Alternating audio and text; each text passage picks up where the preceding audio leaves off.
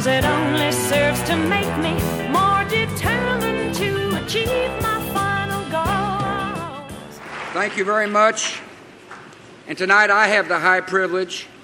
and distinct honor of my own as the first president to begin the State of the Union message with these words Madam Speaker. ဟုတ်ကိုကျေးဇူးတင်ပါတယ်ဒီညကျွန်တော်အနေနဲ့ဂုဏ်ယူစွာပဲပထမဆုံးသမ္မတအဖြစ်နိုင်ငံတော်အခြေပြမိန့်ခွန်းကိုပြောကြားရမှာ အမျိုးသမီးလွတ်တော်ဥက္ကဋ္ဌခမညာလို့ဏိဒန်းနဲ့စတင်ပြောကြားခွင့်ရမှာဖြစ်ပါတယ်အဲ့ဒါကတော့2009ခုက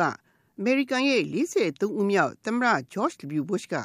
လွတ်တော်နှစ်ရမှာနိုင်ငံတော်အခြေပြမိန့်ခွန်းပြောကြားရမှာကယ်လီဖိုးနီးယားပြည်နယ်ကဒီမိုကရက်အောက်လွှတ်တော်အမတ် Nancy Pelosi ကိုပထမဦးဆုံးနိုင်ငံရဲ့အမျိုးသမီးအောက်လွှတ်တော်ဥက္ကဋ္ဌအဖြစ် Madam Speaker ဆိုပြီးသူ့ရဲ့နိုင်ငံတော်အခြေပြမိကွန်းအစမှာဂုံယူစွာနဲ့ မိတ်ဆက်ပြောကြားခဲ့တာပဲဖြစ်ပါတယ်။အောက်လွှတ်တော်ဥက္ကဋ္ဌဟာအမေရိကန်ရဲ့ဖွဲ့စည်းပုံအခြေခံဥပဒေအရသမ္မတနဲ့ဒုတိယသမ္မတအပြီးမှာတတိယနိုင်ငံမှာယာဒူးအကြီးဆုံးပုဂ္ဂိုလ်ဖြစ်ပြီး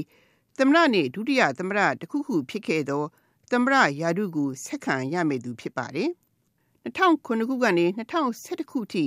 အောက်လွှတ်တော်ဥက္ကဋ္ဌဖြစ်ထမ်းဆောင်ခဲ့သူ Nancy Pelosi ဟာ2003ခုနှစ်2009ခုနှစ်ထိ အောက်လွှတ်တော်အမတ်အနည်းစုခေါင်းဆောင်ဖြစ်ထမ်းဆောင်ခဲ့သူဖြစ်ပြီး2009ခုနှစ်သမ္မတ Bush လက်ထက်မှာအောက်လွှတ်တော်မှာဒီမိုကရက်အမတ်အများစုအနိုင်ရရှိလိုက်တဲ့အတွက်ကြောင့်အောက်လွှတ်တော်ဥက္ကဋ္ဌဖြစ်လာခဲ့တာပါ။တခါ2010ခုရွေးကောက်ပွဲမှာဒီမိုကရက်တွေကအောက်လွှတ်တော်အမတ်အများစုနေရာကိုဆုံးရှုံးခဲ့ရမှာ2011ခုကနေခု2019ခုဇန်နဝါရီလအထိသူဟာအောက်လွှတ်တော်အမတ်အနည်းစုခေါင်းဆောင်ဖြစ်ထမ်းဆောင်နေတာဖြစ်ပါတယ်။ ဒါပေမဲ့သမ္မတ Trump လက်ထက်နိုဝင်ဘာလကကျင်းပခဲ့တဲ့စစ်တမ်းပွဲရွေးကောက်ပွဲတွေမှာတော့အောက်လွှတ်တော်မှာဒီမိုကရက်ကအမတ်232ဦးအနိုင်ရလိုက်တဲ့အတွက်နောက်နှစ်ဇန်နဝါရီလလွှတ်တော်သစ်ခေါ်ယူတဲ့အခါအောက်လွှတ်တော်အမတ် Nancy Pelosi ဟာအမတ်များစုခေါင်းဆောင်ဖြစ်ပြန်ခန့်အပ်ဖို့သူ့ပါတီကအမည်တင်သွင်းခြင်းခံခဲ့ရပါတယ်။2018ဟာအမေရိကန်အမျိုးသမီးတွေရဲ့သမိုင်းတင်တဲ့နိုင်ငံရေးနှစ်ဖြစ်တယ်လို့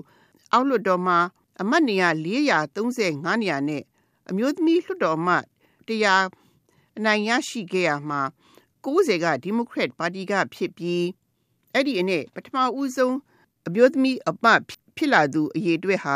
30ရှိတာဖြစ်ပါတယ်။ဒါကြောင့်လည်းအသက်88နှစ်အရွယ်ရှိပြီဖြစ်တဲ့ဝါရင်အောက်လွှတ်တော်ဒီမိုကရက်ခေါင်းဆောင် Nancy Pelosi ကိုလူငယ်လွှတ်တော်အမတ်တွေကလူငယ်ခေါင်းဆောင်ပိုင်းနဲ့အစားထိုးလူသူတွေရှိခဲ့ပေမဲ့လည်း Nancy Pelosi ရဲ့ခိုင်မာတဲ့ခေါင်းဆောင်မှုကြောင့်သူ့ကိုနောက်ထပ်အောက်လွှတ်တော်အမတ်အများစုခေါင်းဆောင်ဖြစ်အမည်တင်သွင်းဖို့အတည်ပြုနိုင်ခဲ့တာဖြစ်ပါတယ်။သူ့ကိုအမည်တင်သွင်းစဉ်သူပြောကြားခဲ့တာက In the course of these last days and weeks uh, the, my has been my privilege to ဒီရက် listen ရက်တွေသတင်းပတ်တွေမှာကျမအနေနဲ့လွှတ်တော်အမတ်တစ်တွေရောအမတ်ဟောင်းတွေရဲ့သဘောထားအမြင်တွေကိုပါနားထောင်ခွင့်ရခဲ့ပါတယ်။ရှေ့ကိုဘယ်လိုဆက်မလဲဆိုတဲ့သဘောထားတွေကို ကျမနားလေသဘောပေါက်ပါတယ်လို့ Miss Pelosi ကပြောသွားခဲ့တာပါ။ဒါကြောင့်လေသူ့အပေါ်ကန့်ကွက်လူသူတွေရဲ့ထောက်ခံမှုကိုရရှိစေဖို့နဲ့လူငယ်ခေါင်းဆောင်တစ်တွေကိုနေရာပေးနိုင်ဖို့သူ့အနေနဲ့အခုလာမဲ့တက်တန်းလေးနှစ်အတွက်ပဲထမ်းဆောင်တော့မယ်လို့ကြည်ပေးခဲ့တာဖြစ်ပါတယ်။လက်ရှိသမ္မတ Trump အစိုးရရဲ့ policy တွေနဲ့ထိတ်တက်ရင်ဆိုင်မှုများရှိရမှာဒလောစင်မှာမက္ကဆီကိုတိုင်းကြီးတိဆောက်ရေးနဲ့ပတ်သက်လို့အင်ဗျူရိုနဲ့ထိတ်တက်ရင်ဆိုင်ရမှာလေ သမ္မတ Trump ကိုသူကကင်တွယ်ရမှာလေ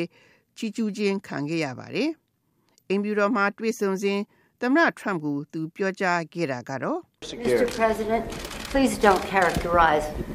the strength that I bring to this meeting as the leader of the သမ္မ House. တကြီးရှင်ကျမကအောက်လွှတ်တော်ဒီမိုကရက်အမတ်အနည်းစုခေါင်းဆောင်နေရာနဲ့အခုလိုလာရောက်တဲ့ကျမရဲ့အင်အားဘယ်လိုရှိလဲဆိုတာကိုမပြောပါနဲ့ ကျမတို့ပါတီကအောက်လွှတ်တော်မှာအမတ်အများစုကိုရွေးကောက်ပွဲမှာအနိုင်ရရှိခဲ့တဲ့ပါတီပါလို့ Miss Pelosi ကသမ္မတကိုပြန်ထောက်ပြခဲ့တာဖြစ်ပါတယ်။ Nancy Pelosi ဟာ1940မတ်လ26ရက်နေ့မှာမွေးဖွားခဲ့တာဖြစ်ပြီးအစပထမမှာသူဟာအိမ်တောင်ရှင်နဲ့သားသမီး9ဦးတို့ကိုပြုစုပြောထောင်ရင်း1980ခုနှစ်မှာကယ်လီဖိုးနီးယားဒီမိုကရက်ပါတီဌာနချုပ်မှာဥက္ကဋ္ဌဖြစ်စေနဝန်ထမ်းထမ်းဆောင်ခဲ့သူဖြစ်ပါတယ်။ Forbes magazine နဲ့တွေ့ဆုံမေးမြန်းခန်းမှာသူက I was not really interested in the limelight at all. At all. While my children were still in school, I was the chair of the California ကျ Democratic မအနေနဲ့ Party, နာမည်ကြီးဖို့ which is a စိတ်မဝင်စားခဲ့ပါဘူး volunteer ကျမကလေးတွေကြောင်းနေစဉ်ကျမကကယ်လီဖိုးနီးယားဒီမိုကရက်ပါတီဥက္ကဋ္ဌအဖြစ်စေတဝန်ထမ်းထမ်းဆောင်ခဲ့ပါတယ်နောက်ကနေပြီးတခြားလူတွေကိုပံ့ပိုးပေးခဲ့တဲ့နေရာမှာရှိခဲ့တာပါလို့ Nancy Pelosi ကပြောခဲ့တာဖြစ်ပါတယ် ဒီနောက်1989ခုနှစ်မှာသူဟာကယ်လီဖိုးနီးယားအော်လ်တော်မှဖြစ်ဝင်ရောက်ရွေးချယ်ခံဖို့ကမ်းလှမ်းခြင်းခံခဲ့ရမှာ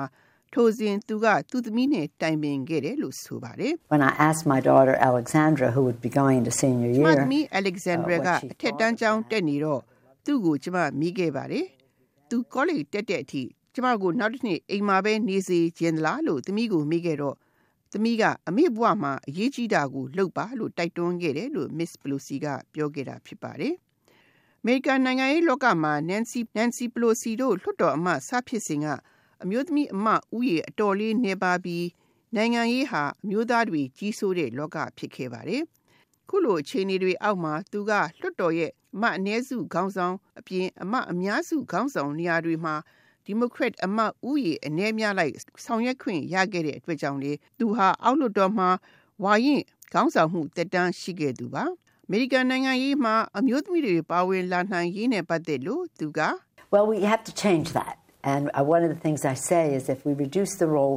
of money in politics, ကျမ and တို့ဒီ increase အခြေ the အနေ level ကို of ပြောင်းရ civility, ပါလိမ့်မယ် we will attract ။နိုင်ငံ more ရေးနဲ့ငွေကိုဦးစားပေးတာတွေလျှော့ပြီးအချင်းချင်းတင့်မြတ်ပြေလည်အောင်ဆက်ဆံကြဖို့ဦးစားပေးသင့်ပါတယ်။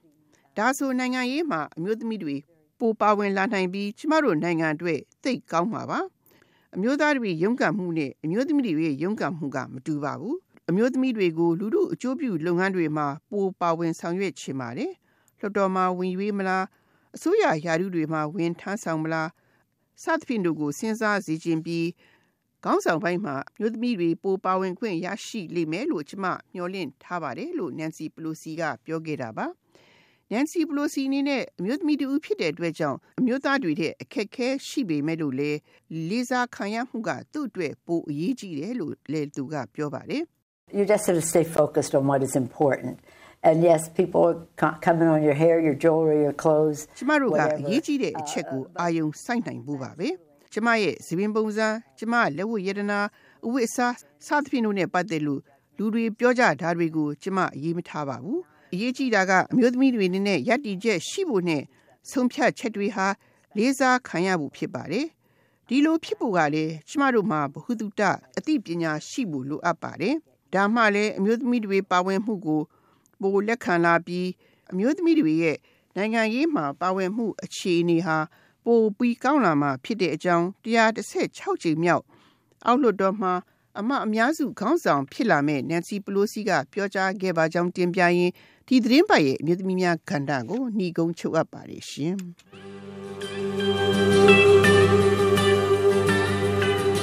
You can bend but never break me, cause it only serves to make me